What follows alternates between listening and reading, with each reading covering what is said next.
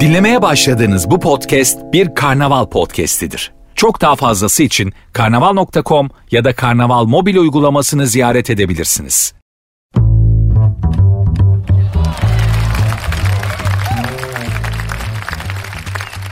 Herkese merhaba hanımlar beyler. Sert Ünsüz başladı ben Nuri.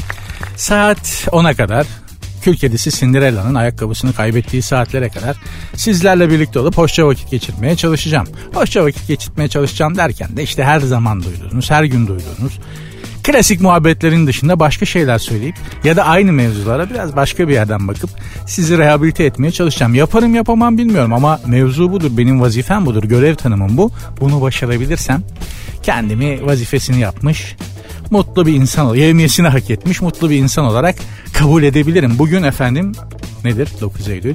Milli Mücadele Ordumuzun Yunan ordusunu önüne katıp kovalayarak İzmir'e girdiği gün. Tarihimizdeki en kutlu günlerden biri 9 Eylül gününüz kutlu olsun. Efendim bu Yunanlar tabii yani bu Yunan ideali, Yunan ideası nedense Anadolu'ya takık demenin bir anlamı yok. Çünkü adamların şeyi belli yani olayı belli. Anadolu bizimdir, Anadolu bizimdir. Ya, o biraz da bir değişik bir hayal. Bunlar bu hayali gerçekleştirmek için hanımlar beyler şimdi size tarih dersi verecek değilim ama İngilizlerin, işte Fransızların ve İtalyanların kucağına oturup Anadolu'ya çıkıyorlar. Yunanistan'da peki hiç akıllı adam kalmamış mı o sonra? Çıkmayın Anadolu'ya siz deli misiniz ne yapıyorsunuz? Bu adamlar öyle astrifistin insanlar değil bu insanlar diyen biri yok mudur? Bir kişi var. Ee, Yannis Metexas bir Yunan generali. Daha sonra 1940'larda İtalyan-Yunan Savaşı'nda İtalyanların da canını okuyan iyi bir asker hakkını verelim. O diyor ki Yunan ordusu İzmir'e çıkmaya Anadolu işgaline hazırlandığı zaman yapmayın diyor. Şimdi siz bu Türkler bitti zannediyorsunuz. Elden ayaktan düştü hiçbir imkanları kalmadı zannediyorsunuz ama bir sabah karşınıza ordularıyla çıkıverirler ve hiç şansınız olmaz diyor ve gerçekten de dediği oluyor. Büyük bir hayal kırıklığı. Bizim için büyük bir zafer, Yunanistan için büyük bir hayal kırıklığı ve ordularımız bugün 9 Eylül'de İzmir'e giriyorlar ve yurdumuzu düşmandan temizliyorlar. İnşallah Allah bize böyle kötü günleri bir daha göstermez. Bir daha tekrar ülkemizi bu şekilde savunmak zorunda kalmayız. Yani ülkemizin işgal edildiğini görmek zorunda kalmayız. İstanbul'da işgal günlerini Anadolu'da Adana'da, Antep'te, İzmir'de işgal edilen bölgelerdeki işgal günlerini yaşayan subayların özellikle hatıratını okursanız ne kadar ağır bir durum olduğunu, ne kadar ağır bir duygu olduğunu insan daha iyi anlıyor. Yolda yürüyen o subaylarımızın yüzüne kadınlar tükürüyorlarmış. Siz nasıl adamsınız? Bu adam bunları buraya nasıl çıkardınız diye düşünebiliyor musunuz? Böyle günler yaşanmış İstanbul'da mesela. Allah bir daha hiçbirimize böyle kötü günler göstermesin ama sadece dua etmekle olmuyor tabii. Uyanık ve akıllı olmak ve ah, milli birlik ve beraberliği sağlamak lazım ki en büyük imtihanımız da bu galiba bizim her zaman. Ama neyse bunlar bizim konularımız değil tarihçilerin konuları. Tarihçiler de siyaset yapmayı bırakıp tarih bilimiyle ilgilenirlerse inşallah bunları onlardan öğrenmiş oluruz. Sert Ünsüz'ün Twitter adresini vermek istiyorum size programın. Sert Unsuz yazıp sonuna iki alt tire koyuyorsunuz. Instagram adresi de böyle. Benim Instagram adresim de Nuri Ozgul 2021. Devam edeceğiz.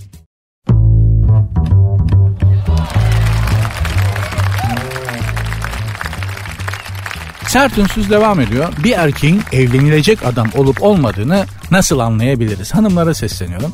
Elbette ki ben böyle bir şeyin duayın değilim. Erkek olduğum için kendi tecrübelerimden yola çıkarak size ancak bazı tiyolar verebilirim.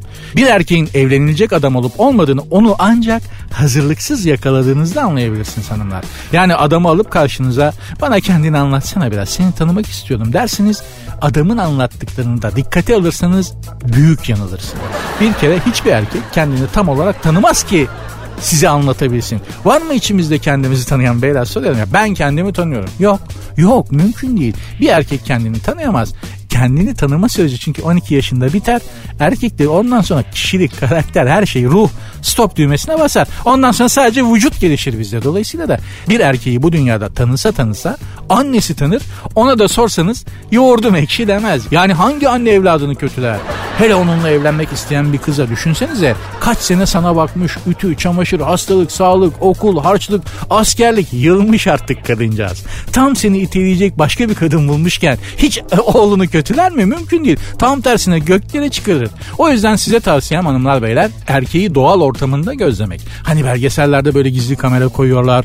Ayıların ne bileyim timsahların falan doğal hallerini gözlemliyorlar ya. Aynen onun gibi. Peki bir erkeğin doğal ortamları nelerdir? Bir arkadaş ortamı ama orada gözlemlemek zor. Erkekler çünkü bir aradayken çok gözlemci olurlar. Bir yandan da etrafı keserler grup halindeyken. Güzel kadın var mı diye. Onlara bir kereden fazla bakan kadını bir tanesi bile fark etse ötekileri hemen uyandırır. Şş beyler çaktırmayın. Aniden de dönüp bakmayın ama sol taraftaki masadan bir hatun bizi kesiyor. Arkadaşlar da aniden inadına herkes bütün grup bir anda dönüp kadına bakarlar. Beşi birden. Dolayısıyla arkadaş ortamında bir erkeği gözlemek zor. Başka şey olabilir. Mesela halı sahada olabilir. Oradan şöyle tüyolar verebilirim size. Halı sahada bir erkeğin evlenecek erkek olmadığını nasıl gözlemlersiniz? Mesela defansa kendiliğinden geçiyorsa evlenin o adamla. Sorumluluk alır o çünkü. Bakar evine. Halı sahada kendiliğinden defansta duran erkek evlenecek adamdır. Burası net. Çünkü dediğim gibi sorumluluk alıyor. Kendiliğinden zor bir işe talip oluyor. Ama defansta dururken ileridekilere beyler Allah'ını seven defansa gelsin diye yalvaran adamdan uzak durun. Mücadele edebilecek kalibrede değildir o. Ben ileride oynarım defansa gelmem adam tutmam diyen erkekten de uzak durun. O da ele avuca sığmaz egosu şişiktir kadın gibi de kaprisidir. Mesela takım halı sahada kötü oynarken beyler anlaşalım beyler diye bağıran adamla da evlenilir. Ben bir gün halı sahada kaledeydim. yani kaleye geçme sırası bendeydi çünkü kimse gönüllü olarak kaleye geçmez. Ve semtin en güzel kızı maçı seyretmeye geldi. Ben var ya hayatta hiçbir şey için bu kadar çok yalvarmadım. Beyler biriniz kaleye geçsin. Şiştan oğlum biriniz kaleye geçsin ne olur diye. Çünkü hiçbir erkek beğendiği kadın onu gol yerken görsün istemez. İster hayatta ister halı sahada. Kaleye kendiliğinden geçiyorsa da bir adam sakın evlenmeyin. Onu da her eline gelen tokatlar saftur o. Ondan uzak durmak lazım. Hanımlar beyler halı sahadan yola çıkarak bir erkeğin evlenilecek erkek olup olmadığına dair tüyolarımı dinlediniz. Gerçek tüyolardır, doğru tespitlerdir. Biraz absürt ama alegoriktir fakat gerçektir, hakikattir.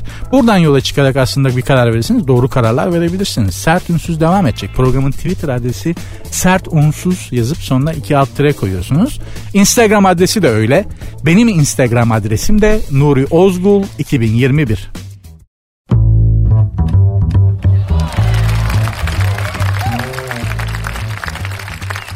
Kadınlarda gri saç modası başlamış. Kadınlar artık gri saçlarını örtmek için boyatmıyorlarmış. Yaşasın. Çünkü bu saç boyatma işinin ucu biz erkeklere de değiyordu farkındasınız. Saçını boyatmış kadın kadar çünkü tedirgin, mutsuz ve mutsuzluğa yatkın bir insan yoktur. Olamaz. Emin olamaz çünkü.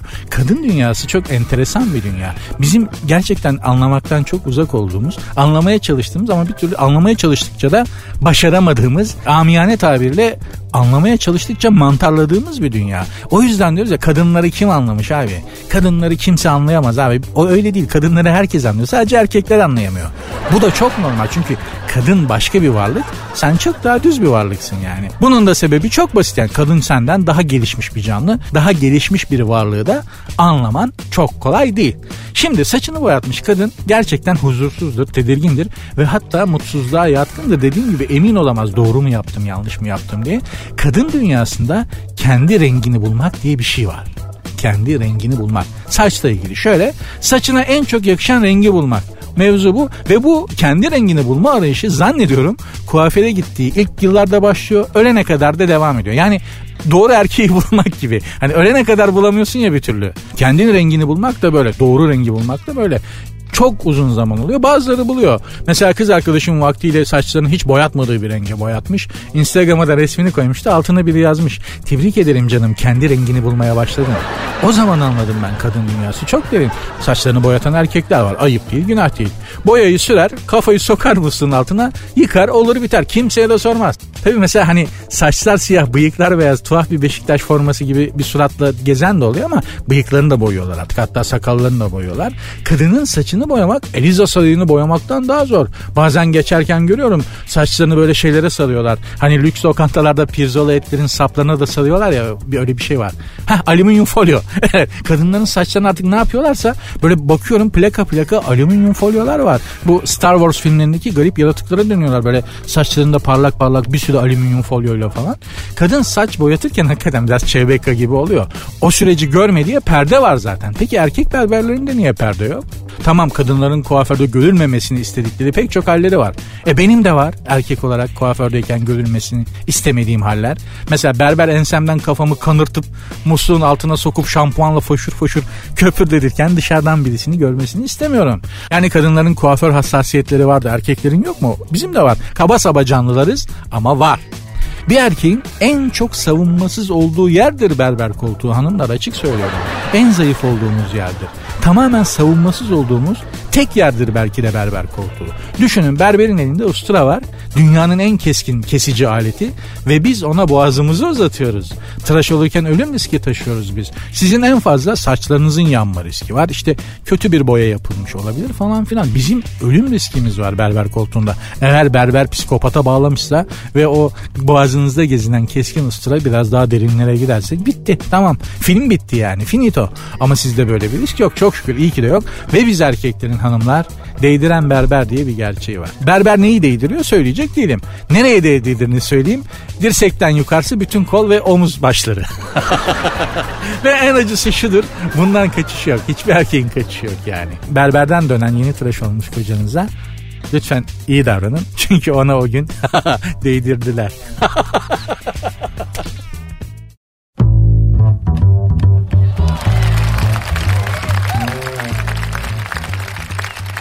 El Salvador diye bir ülke var. Orta Amerika'dadır bu El Salvador.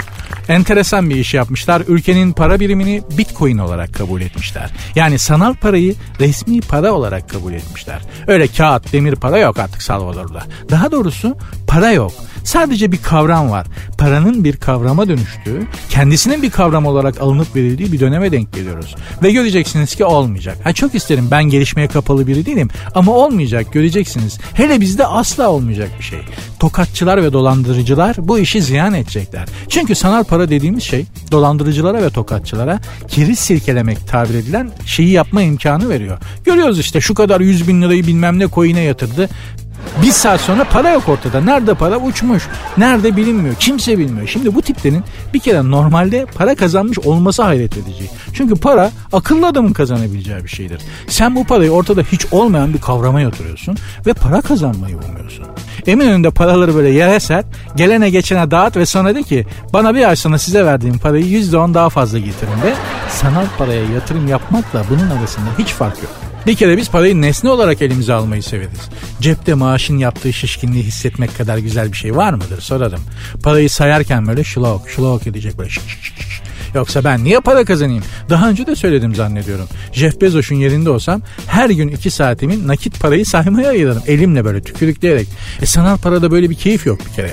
Parayı geçim kaynağı olarak kullanmak en doğrusu. Karizma aracı olarak kullananlar 100 dolara muhtaç oluyorlar sonra. Görüyoruz sonlarını. Ben çok gördüm öyle. Bir mekana girerken hoş geldin abi diyen bodyguardın cebine 100 doları sıkıştıranları çok gördüm. Şimdi baba bir 50 kağıt at da kupon yapalım diye ortalıkta geziyorlar. Parayla hava olmaz kardeş. Parayla hava olmaz. Parayla hava yapacaksan da kendi paranla kendine yapacaksın. Ben görüyorum adam zengin oluyor. Duvar saati gibi kocaman marka saatler alıyor. 60 bin euro. At nalı gibi kol düğmeleri takıyor. Bakın dünyanın en zengin adamı Jeff Bezos. Kolunda saat yok.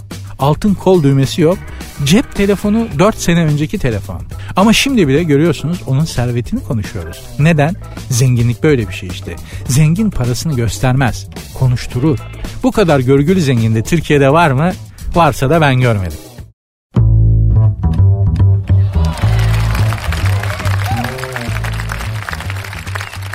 Amerikalı John Wayne Egan ülkenin en talihsiz erkekleri listesindeymiş hanımlar beyler. Bize ne demeyin gerçekten adamın başına gelmedik kalmamış. Wade için talihsiz olaylar zinciri 2012'de başlamış. Florida'daki evinde telefonla konuşurken üstüne yıldırım düşmüş. Olaydan sağ kurtulmuş. Arabada giderken silahlı bir kişi tarafından gasp edilmiş. Aracın bagajına kilitlenmiş, saatler sonra kurtarılmış, aylarca psikolojik tedavi görmüş. Tam her şeyi atlattım deyip parkta yürürken kasap bıçaklı bir adamın saldırısına uğramış. Ağır yaralanmış, yine aylarca hastanede hem fiziksel hem psikolojik tedavi görmüş. Evinden dışarı pek çıkmamaya başlamış. O zaman da evin mutfağında iki tane yılan aynı anda sokmuş adamı aynı anda. Evin mutfağında iki yılan ölmemiş. Neden bunlar başıma geliyor diye kara kara düşünüyormuş. Ben sana söyleyeyim. Ben sana söyleyeyim John Wade. Sende nazar var kardeşim. Tabi. Evden çıkarken felak nas ayetel kürsü okuyacaksın. Üstüne üfleyeceksin. Bak gör. O zaman ayağına taş bile değmeyecek bebeğim.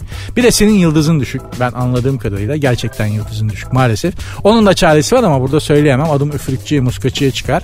Ya da sevgili Adam Wade Sen gusül abdestini yanlış alıyorsun kardeş. Onun da doğrusunu bir öğren çok faydasını göreceksin. Gerçi kime sorsan da farklı anlatır gusül abdestinin nasıl alındığını. Sen bunun doğrusunu bir öğren. En azından ortalamasını öğren.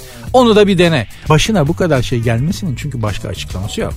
Başıma bir kaza gelmesin diye evden hiç çıkmayan adamı evde yılan sokar mı lan? Hem de iki tane yılan hem de aynı anda.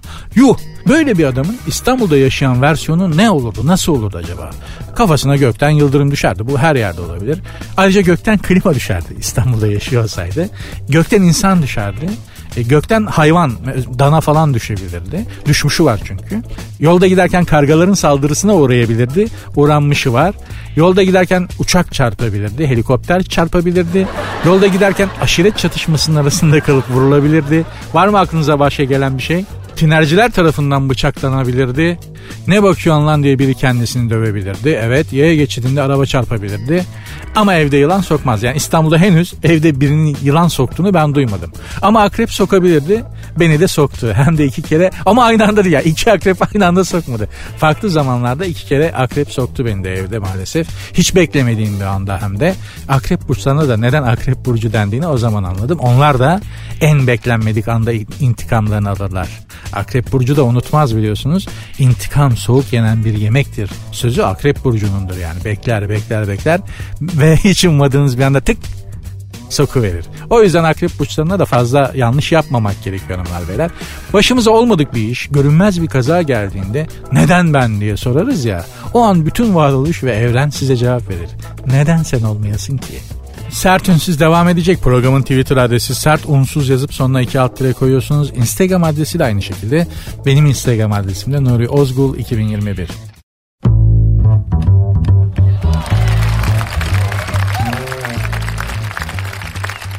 Roman Abramovich İstanbul'a geldiği zaman sebze sote, közde sebzeler, baba gannuş, tablacı salatası, gavurdağ salatası, muammara, humus, kaymaklı ayva tatlısı ve katmer yemiş. Yani bunların hepsini aynı anda yediyse bu adam buna insan ver insan da yer. Tekrar söylüyorum yediklerini lütfen dikkat edin. Sebze sote, közde sebzeler, babaganmuş, tablacı salatası, gavur dağı salatası, muammara, humus, kaymaklı ayva tatlısı ve katmer. Mideye bak kiler gibi. Canına yandım kesin motoru bozdu. Biz yesek bizi bile bozar. Bunlar ne abicim sen nasıl bir açlık nasıl bir yokluk içindeymişsin ki gerçekten de öyledir. Hani mutfak bahsinde hani Fransız mutfağı falan diyorlar ya geç abi. Fransız sen buraya gelen Fransızların yemek yiyişini bir gör. Kıtlıktan çıkmış gibi yiyorlar. Çünkü bizim yemeği yemenin rahat bir yanı var. Yani Türk mutfağındaki yemekleri rahat rahat yersin abi. Fransız yemeği öyle değildir aman gıllı gışlı iştir yemek yemek. Hakikaten ameliyat yapar gibidir yani. Zor iştir. Yemek yemenin bir stili ve tekniği vardır Fransız mutfağında. Çok yorar insanı. Alışkın olmayan insanı çok yorar yani. Ben bir deniz Royal Marine menü diye bir şey var. Yani deniz ürünleri işte ıstakoz bilmem ne bilmem ne. Ya bir kere yiyeyim dedim da yani şu deniz böceğini sevmem ama bir kere yiyeyim dedim yani. Bu da işte güzel bir deniz ürünleri restoranında Paris'te. Geldi. İki kişiyiz. Royal Marine menü. Hiç unutmuyorum. Yanında bir çanta geldi. Yerken kullanmak için. Yani çantayı açtı. Aynı takım aletleriyle uzay mekiği tamir edebilirsin. Beyin ameliyatı yapabilirsin. Yani ver bunu otosanayide bir ustaya dükkanı kapatana kadar senelerce oto tamir eder aynı şeylerle. Bir kere hangi aletle ne yapılıyor onu anlayana kadar zaten yemek soğuyor. De, ama bizim mutfak öyle değil. Bizim mutfak yağdır abi. yani yağdır cir ellerinle gir icabında. Olur yani gideri var. Bazı şey yani lahmacundur balıktır. Elle bile gideri var. Fransa'da bunları yapamazsın. Dolayısıyla bizim mutfağın konforu hiçbir mutfakta yok. Hiçbir mutfakta yok. Mesela bir İngiliz arkadaşım dondurmalı tavuk göğsü yedi. Kız bir kikir demeye başladı tavuk göğsünü yerken. Kikir diyor ya falan yapıyor. Ne oluyorsun dedim. Çok mutlu oldum çok sevinç. Bu, bu tatlı dedi nasıl bir şeyse dedi bana yaşama sevinci ve umut verdi. E tabi yavrum süt var içinde ilmik var tavuk göğsü eti var üstünde dondurma var. Allah'ın İngilizi sen böyle bir şeyi ne zaman gördün hayatında? Üç ömür yaşasan Londra'da İngiltere'de böyle bir tatlı yiyemezsin. Türk mutfağında var bu mutluluk denen şeyi verebilen mutfaklar pek azdır. Dediğim gibi Fransa mutfağında mutluluk yoktur. Yedikten sonra mutlu oldun. Çok az yemek var. Varsa var. Ben denk gelmedim mesela. Çin mutfağında hakeza yok abi. Bizim bazı yemeklerimiz ve tatlılarımız yedikten sonra mutluluk verir. Mutlu hissedersin kendini. Karnın doyduğu için değil ha. Karnının doymasının verdiği mutluluk ve huzurdan bahsetmiyorum lezzetinin verdiği lezzetinden bir mutluluk ve huzur geçer size. Türk mutfağının mucizesi de budur. Emin olun bu Roman Abramovich kıtlıktan çıkmış gibiymiş. Adam oligark biliyorsunuz değil mi? Yani, dünyanın en varlıklı adamlarından biri. Al bak Türkiye'ye gelmiş adam kıtlıktan çıkmış gibi. Lan sana hiç mi yemek vermediler daha önce? Değil işte. Neden yiyor bunları? Yedikçe yiyor, yedikçe yiyor. Çünkü yediklerinden bir saadet ve mutluluk hissi geçiyor. Türk mutfağının mucizesi budur. Şekli şemali yoktur. Yani Fransız mutfağında işte bilmem ne mutfağında sunum diye bir şey vardır. Tabağa gelin gibi süslerler bizde yok. Şimdi acı bir buçuk acılı Adana'yı nasıl süsleyeceksin yani? Çiçek böcek koyarlar, ıvır kıvır koyarlar. Şekil, karnın bile doymaz. Ama daya bir buçuk acılı Adana'yı iki gün yemek yemezsin. Normal insan yani. Anlatabiliyor muyum? Dolayısıyla Türk mutfağının problemi hep sunumdur derler. Bunun bir problem olduğunu düşünmüyorum. Türk mutfağının mucizesi yedikten sonra bazı yemeklerin ve tatlıların insana mutluluk ve huzur vermesidir. Bu da başka bir dünya mutfağında kolay kolay bulamayacağınız bir şeydir.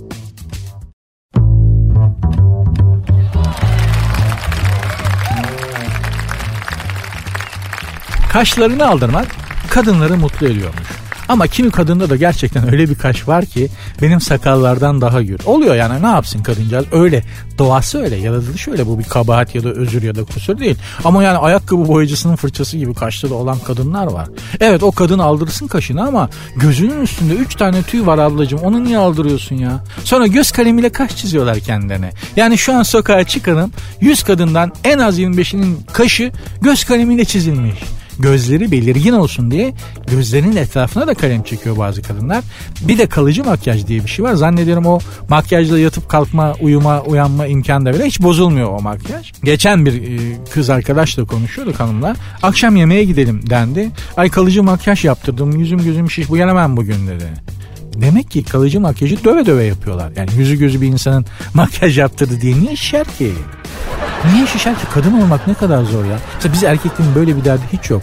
Gerçekten kadın olmak ne kadar zor. Ve her zaman söylüyorum kadınlara eğer bu işi erkekler için yapıyorsanız yani makyaj, süslenmek, saç baş inanın hiç gerek yok. Hiç gerek yok. Bunu bir kere daha söyledim. Şimdi de söylüyorum ama bir daha söylemeyeceğim. Bütün bu masrafların yerine eğer dediğim gibi süslenmeniz, giyiminiz, kuşamınız, bu kadar detaylı makyajınız erkekler beğensin diyeyse ya da sevdiğiniz adam beğensin diyeyse hiç gerek yok bu kadar masrafa. Elektrikçiye gideceksin. 25-50 mumluk kırmızı gece lambası alacaksın. Loş ışıkta hepiniz Jennifer Lopez'siniz. Hepiniz Catherine Zeta-Jones'sunuz. Gerçekten öyle. İnanın biz bunlara çok takılmıyoruz. Gerçekten takılmıyoruz yani. Hani piyango bana çıkmış abi. Benim olayım budur yani. Yok kaşında boya var mı? Gözü boya var mı? Zaten o makyajı çıkardığınız zaman yaşadığımız büyük hayal kırıklığı bize yetiyor. En azından ne olduğunu görürüz yani. Şimdi bazı makyajlarda var ki yani o kadınla makyajı sildikten sonraki varlık arasında bir şey yok. Hani hani evrim geçirmiş olsa bile bu başka bir canlı. Bakın başka bir tür demiyorum. Başka bir varlık. Bu başka bir varlık. Yani makyajın gerçekten ruhsatla yapılıyor olması lazım. Çok ciddi bir sıkıntı. Gerçekten o makyajı çıkardığınızda erkeğin yaşadığı duygu durumunu düşünebiliyor musunuz? Bir erkek gördüğünüz gibidir. Yani yüzü gözü öyledir. En fazla peruk vardır kafada. O da şimdi saçma çekiyorlar. O da kalmadı. Bir erkeğin kaşı neyse gözü neyse öyledir. Adamı görürsün. Kadın öyle değil. Yani hep makyajlı görüyorsun makyajlı görüyorsun. Öyle zannediyorsun. Sonra makyajı bir siliyorlar. e, hayatım e, annemi hastaneye kaldırmışlar. Benim hemen. Yani şöyle bir telefon gelir bak. Alo? Hangi hastanede? Hangi? Hemen geliyorum. Ne oldu bebeğim? Annem hastaneye kaldırmışlar. Hemen gitmem. Ne hastanesi? Ne hastanesi? Adam senin makyajı çıkardıktan sonraki halini gördü çünkü hanımefendiciğim. Dolayısıyla şu makyajı yapıyorsanız da kendiniz olarak kalacak kadar yaparsanız adam kaçmaz. En azından elinizin altında kalır. Dediğim gibi bu kalıcı makyaj yüz göz şişiriyorsa bunu dedim bunu döve döve mi yapıyorlar ve kadının katlandığı sıkıntılara bakın daha genç görünmek için. Oysa gençlik hani bilgisayarda büyük boyutlu bir dosyayı silerken sorar ya bu dosyayı kalıcı olarak silmek istiyor musunuz diye. Gençlik böyle bir şey işte kalıcı olarak sildiğimiz dosyalar gibi geri gelmiyor. Hepimiz bir gün yazlıkta unutulmuş çiçekler gibi solacağız. Hanımlar beyler hiç kimse yer çekimini yenemez.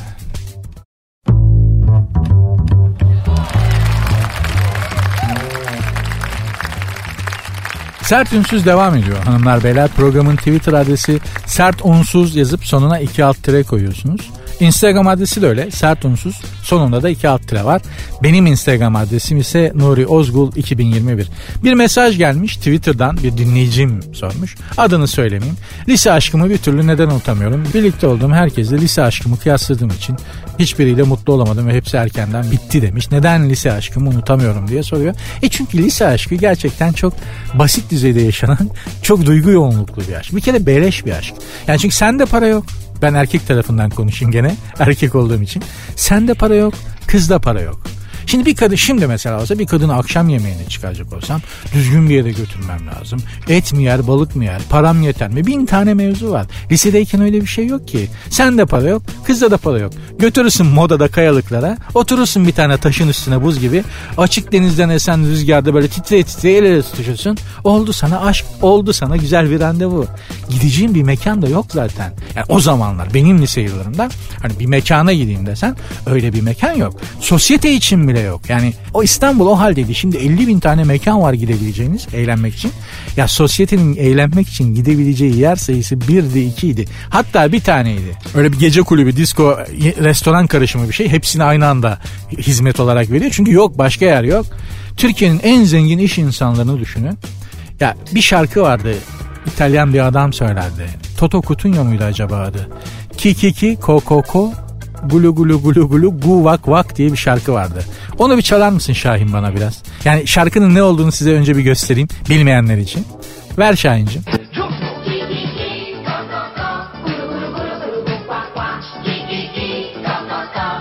Şimdi bu şarkı o zamanlar Türkiye'de patladı. Düşün altta biraz çalabilirse sevinirim. Bütün sosyete kulüplerinde o çalıyor. Ve düşünün milyon dolarlık Türkiye'nin en ünlü, en zengin, en varlıklı iş adamlarını düşünün isim olarak. Bu milyon dolarlık adamlar ve kadınlar yere çömelmişler. Elleriyle topuklarını arkadan tutup yürüyerek, ördek gibi yürüyerek dans ediyorlar. Milyon dolarlık adamlar. Hepsi iyi şey olmuşlar bu şekilde eğleniyorlar. Yok imkan yok çünkü başka imkan yok anlatabiliyor muyum? Öyle bir ülkeydi o zamanlar Türkiye. Biz fakirler içinde iki tane kafe vardı. Mesela bir tanesinde yemek olarak hiç unutmuyorum bugün bile unutmuyorum. Mercimek çorbası, menemen, tatlı olarak da tavuk göğsü vardı. Aslında fena değil. Ve bizde de para çok azaldığı için oraya giderdik. Oranın da garsonları kütüktü hanımlar beyler. Yani şöyle bir kız arkadaşınla lisede çıkmışsın. Kızcağıza mercimek çorbası ya da tavuk göğsü yedireceksin falan. Menemen yedireceksin. Ya da oraya gittiğin zaman garsonlar nedense bir kızla genç böyle genç bir çifte çok gıcık olurlardı. Ve dediğim gibi yani şöyle bir sipariş alma vardı. Kızla kesinlikle muhatap olmaz garson. Yani dönüp yüzüne bakmaz ve sana şöyle hitap eder. Ne yiyeceksin? Abi ben bir menemen yiyeyim. Bu ne yiyecek? Kızı soruyor. Gerçekten böyle. Bu ne yiyecek? Abi o da menemen yer. Ve menemeni getirirken de baş parmak yumurtanın içinde sahanı böyle. Baş parmak soğuk yumurtanın içinde baş parmak öyle gelirdi. Sonra orası büyüdü zincir bir e, kafe ve restoran haline geldi ama bu çirkin imajı unutturmak için 10 sene falan kapalı kalmak zorunda kaldılar. Hala da işleyen bir mekan artık böyle değil ama adını asla söylemeyeceğim size. Burada söylemem çok ayıp olur. Bir zamanlar böyleydi. Lise aşkları ama böyle yaşandığı için güzel ve maalesef tamamlanamadığı için güzel. Çünkü aklımız, zihnimiz, insan zihni bir her şeyi tamamlamak ister. Lisedeki aşklar bir türlü tamamlanamadığı için hep yarım kaldığı için döner döner durursunuz. Bütün aşklar öyledir. Aranızdaki bütün hesabı görüp defteri kapatmadığınız her ilişki ve aşk tamamlanmak için mazinin küllerin arasından çıkar. Mutlaka arada bir ben buradayım şu hesabı kapat der. Siz de ya ben bu kadını ya da adamı niye unutamıyorum arkadaş ne vardı ki onda diye düşünüp durursunuz. Aslında onda bir şey yok. Bugün bir araya gelsen iki saat tahammül edemezsiniz ona. Ama ortada kapanmamış bir defter ve görülmemiş bir hesap var. Sizi gıdıklayan o.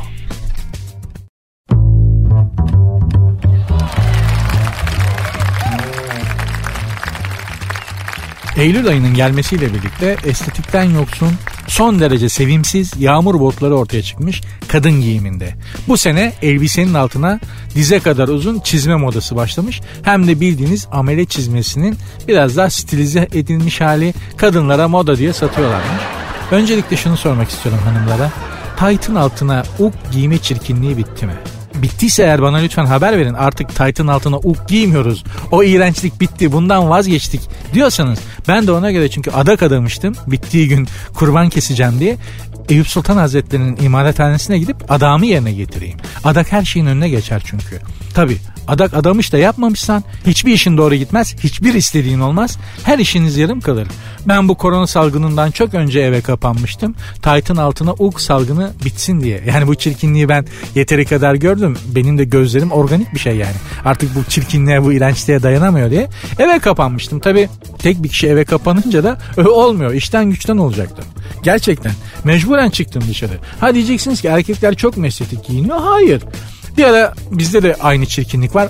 Taytın altına uk giyme modasıyla aynı döneme denk gelir erkeklerdeki bu iğrenç giyim modası. O da şudur. E, takım elbise, kısa pantolon, altına rugan ayakkabı ve çorapsız giyiyorsunuz bunu.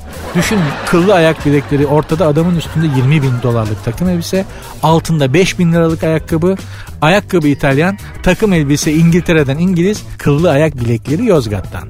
E, olmuyor tabi. İngiliz ile İtalyanın arasında Yozgat girince pek bağdaşmıyor.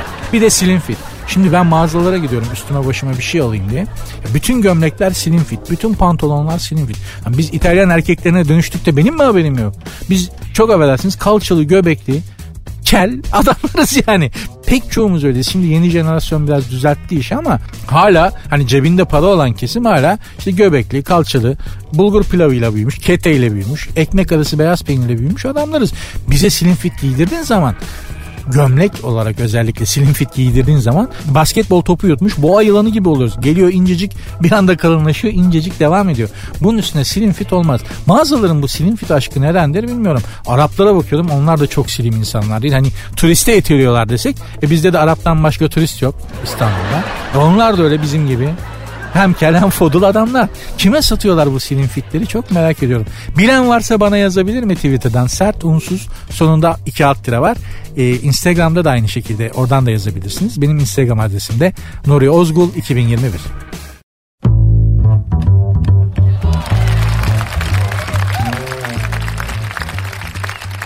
Hanımlar beyler sert ünsüz devam ediyor. Devam ediyor dediğim aslında bugünün son anonsu bu son kez sizle konuşuyorum. Bugün itibariyle yarın inşallah yine birlikte olacağız. Ama dediğim gibi her zaman söylediğim gibi beraber açtık.